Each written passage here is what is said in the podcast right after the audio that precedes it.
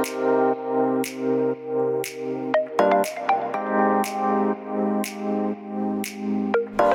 hallo, wat leuk dat je luistert naar de Good Vibes podcast met Daphne Breedveld. Ben jij geïnteresseerd in persoonlijke ontwikkeling, de wet van aantrekking en ondernemen? Dan is dit de podcast voor jou. Ik neem je heel graag mee op mijn ontdekkingsreis naar absolute vrijheid. Omdat ik er 100% in geloof dat je alles kunt creëren wat jij maar wilt. Jouw tofste leven en business puur door vanuit je gevoel te leven. Ik wens je heel veel inspiratie en luisterplezier. En stay tuned voor zo'n good vibes.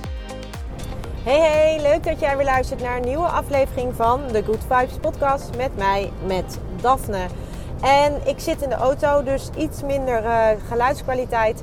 Maar um, ja, zoals je inmiddels wel weet, ik krijg heel vaak inspiratie in de auto. Vandaar dat ik ook nu weer uh, dacht, ik moet dit even opnemen. Want uh, de vraag die in mij opkwam, naar aanleiding van een uh, podcast die ik zelf aan het luisteren was.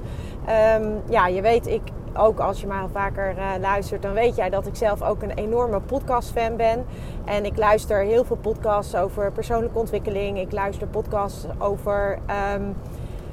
Ja, eigenlijk over mindset, over ondernemen. Nou, eigenlijk alle onderwerpen die mij interesseren, daar luister ik wel podcasts van. En uh, zo ook uh, vandaag luisterde ik ook weer naar een podcast. En die ging over de wet van aantrekking. En um, ja, wat daarin werd besproken was eigenlijk van dat wij, als wij geboren worden als mens, hè, als wij net op aarde komen, dan zijn wij eigenlijk een soort. Um, een soort blanco velletje. Wij zijn, uh, we worden geboren. Onze ziel um, heeft het fysieke lichaam uitgekozen. Als je, hè, zo zie ik dat. Hè, dus wij, wij komen uh, fysiek ter wereld. En ja, op dat moment begint eigenlijk, ja, begint eigenlijk jouw leven hier op, op, op, weer, op deze wereld in, in het fysieke lichaam waar, waar je voor gekozen hebt. En op het moment dat jij dus um, geboren wordt, dan ben jij nog helemaal blanco. Dan heb jij nog geen input van buitenaf. Je hebt nog geen. Uh, je, hebt nog, je hebt nog eigenlijk helemaal niks behalve wie je in basis bent. Dus het, het basis wat jij als persoon bent, de, de ziel, jouw inner being, die is er. En, uh, maar verder is er eigenlijk niks. En in de loop van de jaren wordt dat natuurlijk allemaal gecreëerd. Jij uh, krijgt een opvoeding, uh, ervan uitgaan dat dat zo is van je ouders. er zijn leraren die jou van alles leren. Er zijn misschien wel opa's en oma's in jouw omgeving die jou ook van alles leren. Of andere volwassenen van wie jou allemaal dingen leert. En tot je zevende jaar neem je eigenlijk alles wat er jou verteld wordt aan. dat neem je allemaal aan als waar. En vanaf je zevende ongeveer ga jij ook um, dingen bevragen. En dan ga je ook misschien wel bedenken van... ja, uh, klopt dat eigenlijk wel? En uh, is dat wel zo? En, en vanaf die leeftijd ga je dus ook steeds meer jezelf uh, ontwikkelen, zeg maar, als persoon. En uiteindelijk uh, ga je richting volwassen leeftijd. En nou, zo blijf je je doorontwikkelen. Maar vanaf dat jij dus geboren wordt, krijg jij dus continu input. En die input die zorgt ervoor dat jij um, bepaalde dingen aan gaat nemen voor waar. Want tot je zevende neem je ongeveer alles wat er tegen jou gezegd wordt door mensen die jij vertrouwt aan als zijnde waarheid. En dat betekent dus ook dat er, uh, dat er dus ook dingen tegen jou gezegd kunnen worden zonder dat de ander daar uh, specifiek bewust van is, die jou misschien wel helemaal niet uh, helpen als het ware. En zo ontstaat uh, eigenlijk in die eerste jaren ontstaat jouw conditionering, noem je dat dan. Het, eigenlijk is dat een beetje, kun je dat vergelijken met een eh, programmering van een computer. Dus in die eerste periode wordt jouw computer als het ware geprogrammeerd door de mensen om jou heen, die dat vaak natuurlijk vanuit alle liefde doen.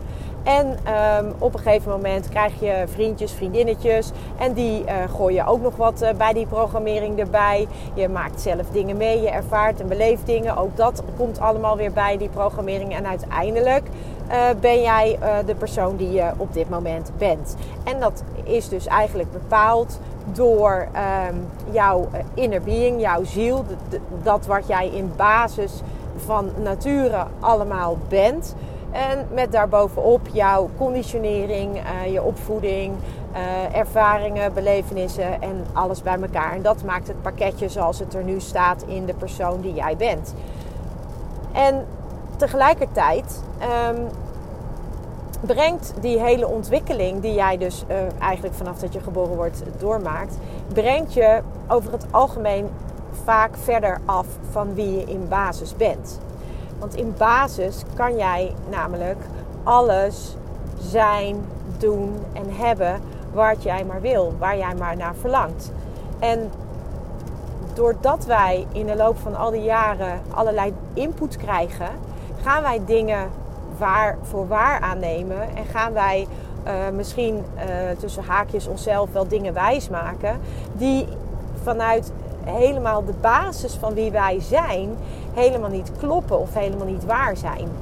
Maar wij gaan ze wel aannemen als waarheid. En op het moment dat jij dus uh, dat doet en, en dat gaat je vervolgens beperken, dan noem je dat beperkende gedachten of een niet helpende gedachte. Uh, in ieder geval, het zijn uh, dus opvattingen of meningen of ehm, gedachten van andere mensen die bij jou zijn, als het ware, zijn uh, gedeponeerd. En jij bent dat als waarheid gaan zien. Maar de vraag is, die jij je dan nu mag gaan stellen, is dat ook echt waar? En op het moment dat jij dan naar jezelf kijkt, door wiens ogen kijk jij dan eigenlijk? Kijk jij dan door jouw eigen ogen? Of kijk jij door de ogen van een ander? Omdat hij iets van jou heeft gevonden. Of omdat hij met misschien alle goede bedoelingen jou iets geleerd heeft. Of iets tegen jou gezegd heeft, herhaaldelijk. Wat jij als waarheid bent gaan zien. Dus alles wat jij wat voor jouw gevoel jouw waarheid is. Is dat wel echt jouw waarheid?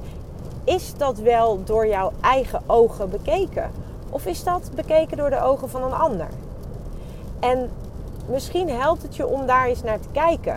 Want um, ik weet van mezelf dat ik dat echt, uh, dat ik echt heel lang dingen voor waar heb aangenomen die eigenlijk helemaal niet waar waren. Of die helemaal niet zo bedoeld waren zoals ik ze heb opgevat.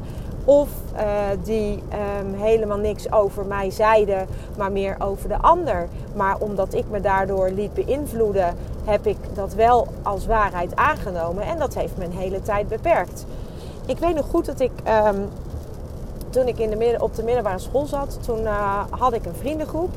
En, um, en wij droegen allemaal destijds Levi's 501. En ik uh, had ook een Levi's 501. En ik vond, dat, uh, ik vond dat fantastisch. Ik had daarvoor ik had kleedgeld en daarnaast had ik daarvoor gespaard. Dus ik had die Levi's 501 gekocht. En, uh, maar ik hockeyde ook. Dus ik had best wel, best wel gespierde benen en gespierde billen. En dat kwam ook door, door dat hockey natuurlijk. Ik was onwijs sportief. Ik sportte ook bijna elke dag. En ja, dus ik, dus ik was, had gewoon een heel sportief lichaam. En een van die jongens waar ik heel veel mee omging, die zei... Wij hadden zo'n vriendengroep met allemaal mijn jongens en meiden. Het was super gezellig.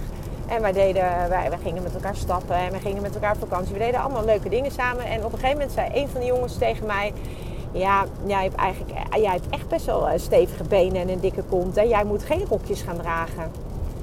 En um, nou, hij zei dat. Ik dacht op dat moment nog van... Nou, dat is ook onaardig dat je dat zegt. Maar goed, ik dacht, nou, hij zal het wel niet zo bedoeld hebben.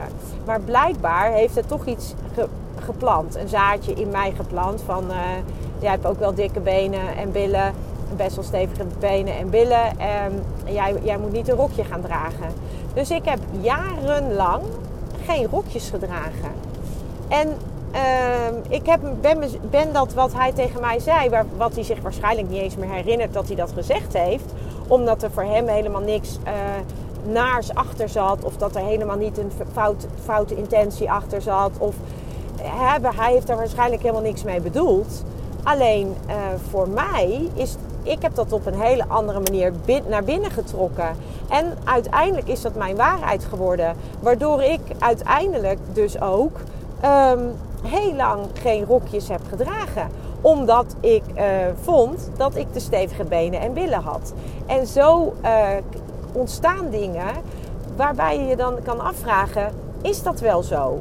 En hetzelfde gebeurde toen ik uh, heel lang geleden voor mezelf begon. Eh, ik had ooit een keer een, uh, een post gemaakt. Um, en een van mijn beste vriendinnen, die maakte een opmerking daarover.